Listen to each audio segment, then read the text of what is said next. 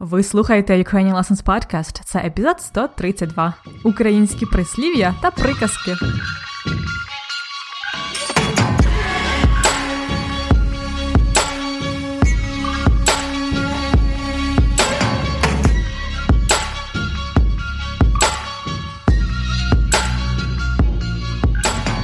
Привіт-привіт! Це Анна Огойко з новим уроком української мови на подкасті Ukrainian Lessons. Це 132-й епізод подкасту. І це епізод високого рівня, тому що зараз я говорю тільки українською мовою. А якщо ви хочете послухати простіші уроки української, ви можете повернутися до попередніх епізодів. Як у вас справи? Сподіваюся, все добре. У мене все супер. Сьогодні я вирішила підготувати для вас е, таку цікаву інформацію про українські прислів'я та приказки. Знаєте, що це таке? Це такі короткі речення, такі міні-ідіоми, але вони більші. Їх ще називають народна мудрість, тому що прислів'я і приказки використовують в народі і передають їх від покоління до покоління. Народна мудрість. Добре, я повернусь до цієї теми трішки згодом і розповім вам детальніше про це. А поки що хочу нагадати, що до цих епізодів подкасту ми готуємо такі гарні великі конспекти уроків. Це документи у форматі PDF, ви можете їх роздрукувати чи просто використовувати на комп'ютері чи планшеті. Там є транскрипт, це запис абсолютно всього, що я говорю на подкасті. Також там є переклад складних слів, таблички з ідіомами, з граматикою і корисні вправи для практики. Як на мене, це найкращий спосіб вивчати мову слухати аудіо, багато аудіо, і читати текст, коли вам це потрібно. Саме тому я створюю подкаст зараз у такому форматі. Можливо, ви вже оформили підписку на конспекти уроків? Тоді дуже дякую вам за підтримку. А якщо ви хотіли б це зробити зараз, ви можете дізнатися більше про преміум і оформити підписку за посиланням ukrainianlessons.com риска преміум. А зараз перейдімо до теми епізоду. Готові?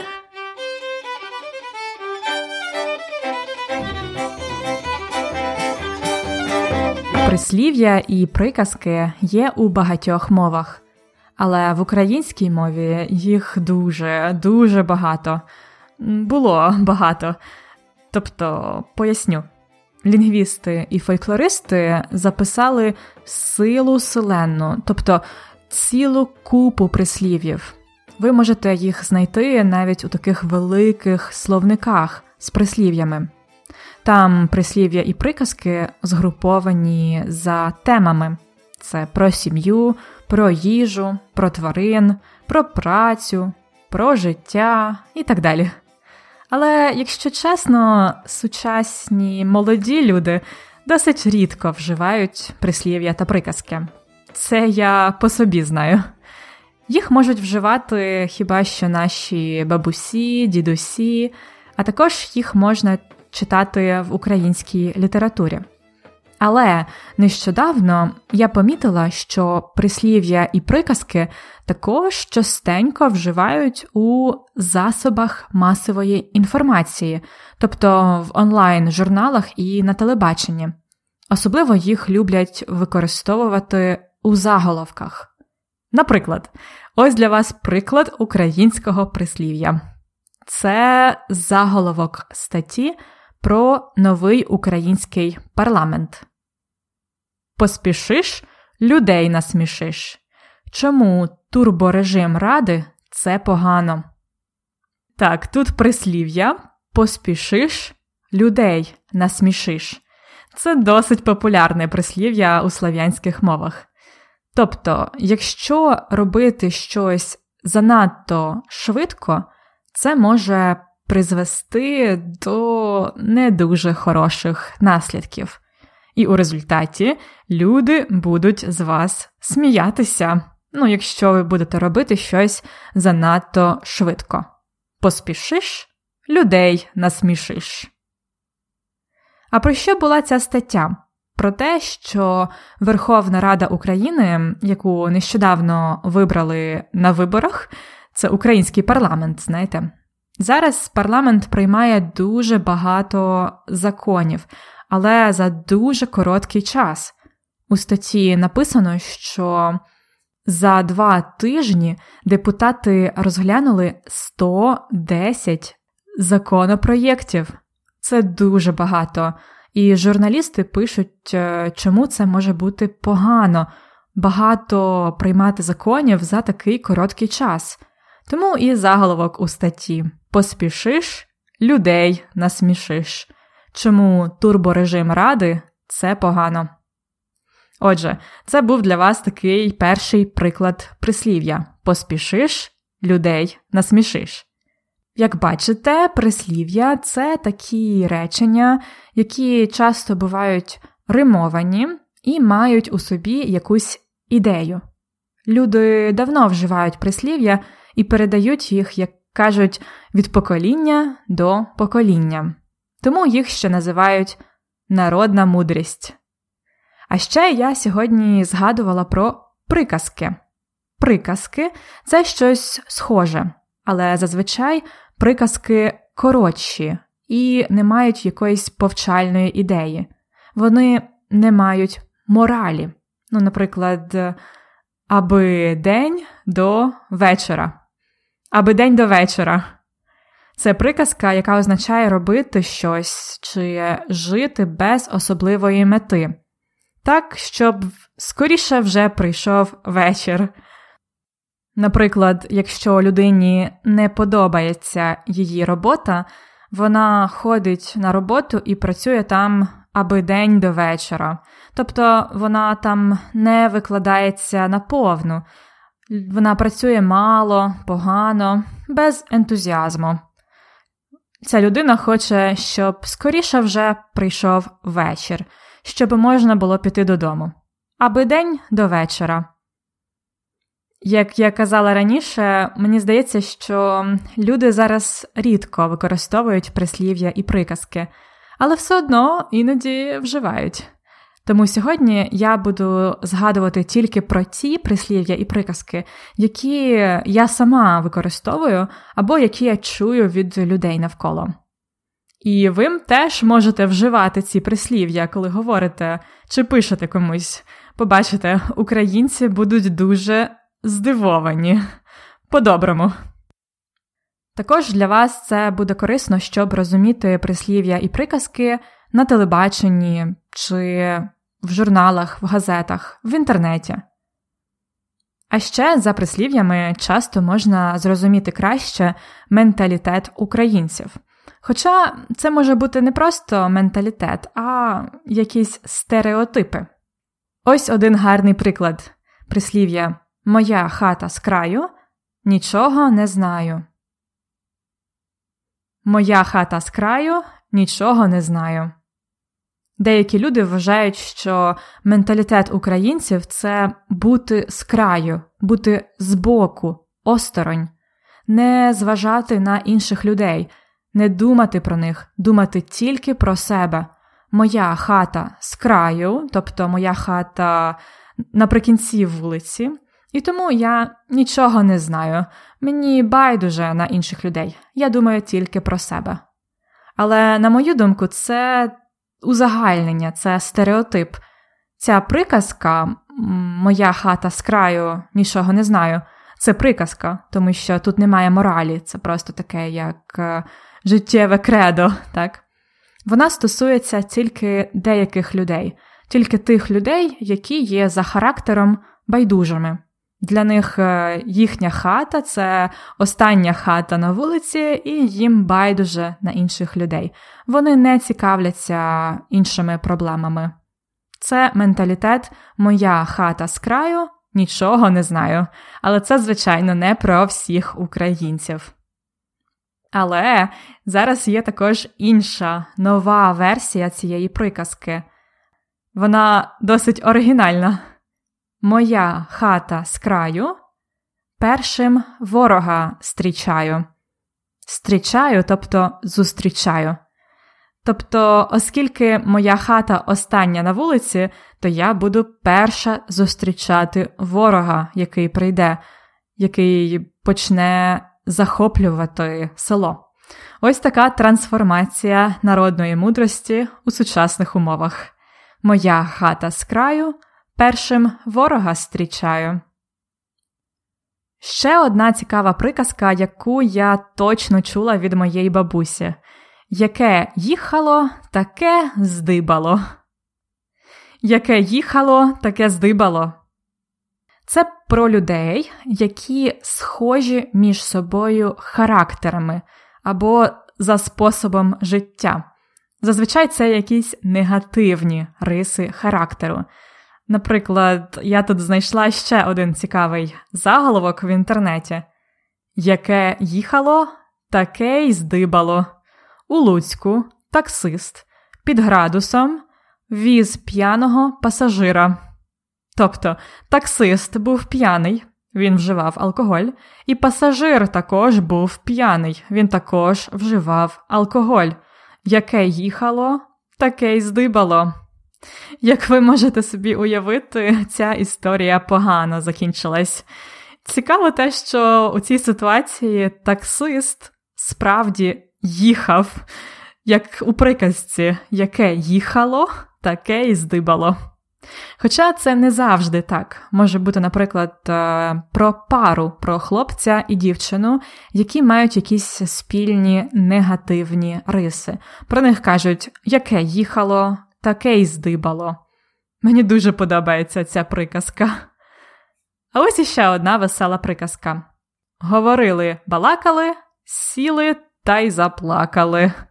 Послухайте ще раз: говорили, балакали тобто теж говорили, тільки розмовне слово, потім сіли і заплакали, тобто почали плакати.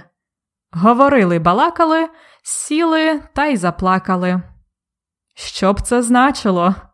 Це про якусь ситуацію, якусь проблему, яку ви намагаєтесь вирішити з кимось, ви говорите про це, говорите, балакаєте, так?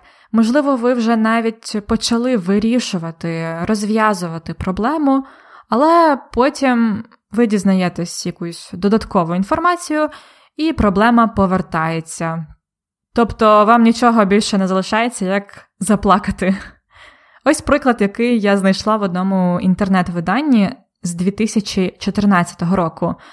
Тоді, як пам'ятаєте, розпочалась війна на сході України. Ось що пише про це журналістка. Є в українській мові таке прислів'я говорили, балакали, сіли та й заплакали. Воно дуже добре ілюструє міжнародну реакцію на вторгнення російських військ у нашу країну. Тобто інші країни багато говорили про ситуацію на сході України, про війну. Вони намагалися розв'язати цю ситуацію, але вони так і не прийняли нормального рішення. Вони не розв'язали ситуацію. Вони говорили, балакали, а потім сіли та й заплакали. Ось така весела приказка з нещасливим кінцем. Так, я тут бачу, що у мене є ще багато прислів'їв і приказок, про які я хочу вам розказати. Але оскільки часу на все сьогодні не вистачить, перенесемо їх на наступний раз. Отже, наступний епізод буде про українські прислів'я і приказки, частина 2.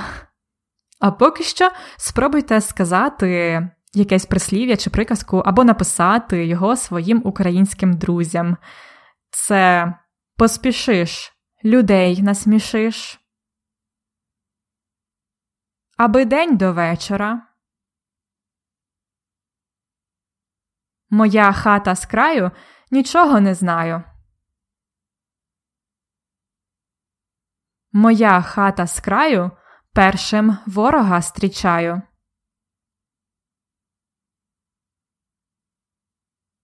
Яке їхало, таке й здибало.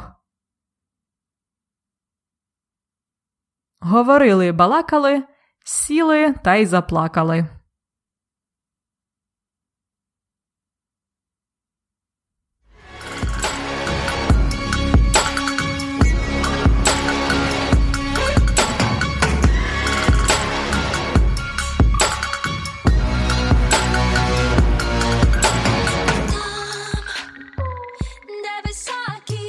А тепер, окрім прислів'їв, пропоную вам вивчити також коротенькі ідіоми та фразеологізми, які я згадувала на уроці. По-перше, про прислів'я і приказки я казала, що їх ще називають народна мудрість, тобто слова, які передають від покоління до покоління, передавати від покоління до покоління, тобто передавати якісь знання від бабусі, від дідуся, від мами і від тата до наступних поколінь. Наприклад, мистецтво вишивання українські жінки передають від покоління до покоління. Мене навчила вишивати моя бабуся, передавати від покоління до покоління. Далі я казала, що фольклористи, лінгвісти записали силу силенну, тобто цілу купу прислів'їв. Пам'ятаєте, ціла купа це дуже багато. А по-іншому ми кажемо сила силенна це синонім. Дуже багато чогось. Можна просто сказати сила або сила силенна. Пишемо з такою рисочкою через дефіс. Я дуже щаслива, бо завдяки подкасту і блогу мені приходить сила селенна листів з усього світу. Сила селенна. Про прислів'я і приказки я казала, що їх зараз рідко вживають у мовленні, але часто вживають у засобах масової інформації, тобто в онлайн-журналах і на телебаченні. Засоби масової інформації, скорочено ЗМІ. Ви можете побачити цю абревіатуру досить часто. ЗМІ це телебачення, газети, журнали, онлайн-видання, там, де працюють журналісти. Але, на жаль, засоби масової інформації не завжди об'єктивні. Засоби масової інформації. Коли я говорила про поспішиш, людей насмішиш, я казала, що якщо робити щось занадто швидко, це може призвести до негативних наслідків. Тут запам'ятайте корисне дієслово призвести, призвести до. Це те саме, що спричинити, це синоніми. Не плутайте призвести з дієсловом привести без з. так? Привести означає при, привести з собою когось. Наприклад, е, вчора він привів з собою дітей на роботу. Привести з собою дітей. А призвести це спричинити якісь, е, якусь ситуацію. Часто це негативна ситуація. Наприклад, війна на сході України призвела до економічної кризи або спричинила економічну кризу, призвести до. Про аби день до вечора я казала, що це про людину, яка працює на роботі, яку вона не любить, і тому вона там не викладається на повну. Викладатися на повну це дуже старатися, робити щось е, стовідсотково на повну. Ну, наприклад, про мене. Я викладаюся наповну, коли записую подкаст. А коли ви викладаєтесь наповну? Я вам рекомендувала сьогодні вживати прислів'я і приказки, коли ви говорите з українськими друзями. Побачите, вони будуть здивовані. По-доброму. По-доброму. Я додала тут це слово, щоб сказати позитивно, тому що слово здивований може означати як позитивно здивований, так і негативно. Тому я тут уточнюю здивований по-доброму. Інший приклад вживання по-доброму розійтися по-доброму, тобто закінчити суперечку на хороших для всіх умовах. По-доброму. І останній фразеологізм під градусом. Як ви пам'ятаєте, у Луцьку таксист під градусом віз п'яного пасажира. Під градусом це про п'яну людину, людину, яка випила алкоголь, і тепер е, вона має градус, так? тобто напої, які вона пила, мали високий градус. Є ще інше слово на підпитку, тобто людина, яка підпила на підпитку. Ви можете почути це слово часто якраз у засобах масової інформації. Хлопець під градусом впав з мотоцикла, або хлопець на підпитку впав з мотоцикла. Не їздіть на мотоциклі під градусом, добре?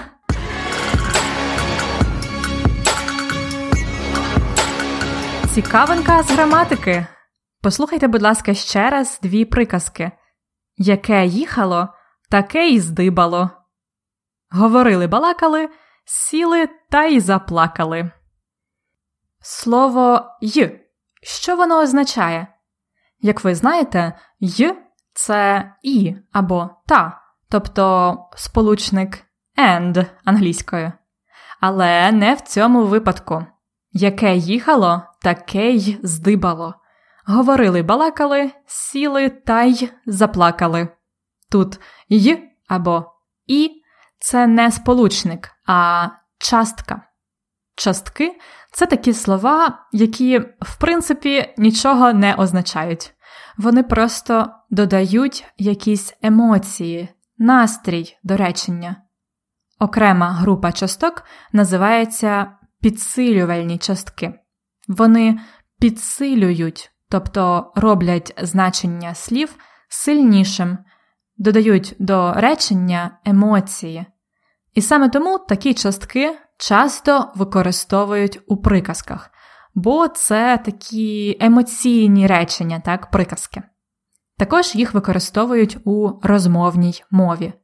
Наприклад, ви можете сказати Ти молодець. Це звучить досить нейтрально. Або можете сказати Але ж ти молодець. Це вже звучить з емоцією, правда? Тут я використала підсилювальні частки ж і й. Але ж ти й молодець. Але ж ти й молодець. Інші такі частки це, наприклад, таки, ще, бо, аж, навіть. Ви можете сказати Я зроблю вправи в конспекті уроку. Або можете сказати більш рішуче, більш емоційно. Я таки зроблю вправи в конспекті уроку. Тобто ви точно їх зробите, ви не будете лінуватись. Я таки зроблю вправи. Як завжди, повний список таких емоційних слів, часток і приклади до них та вправу ви можете знайти в конспекті уроку.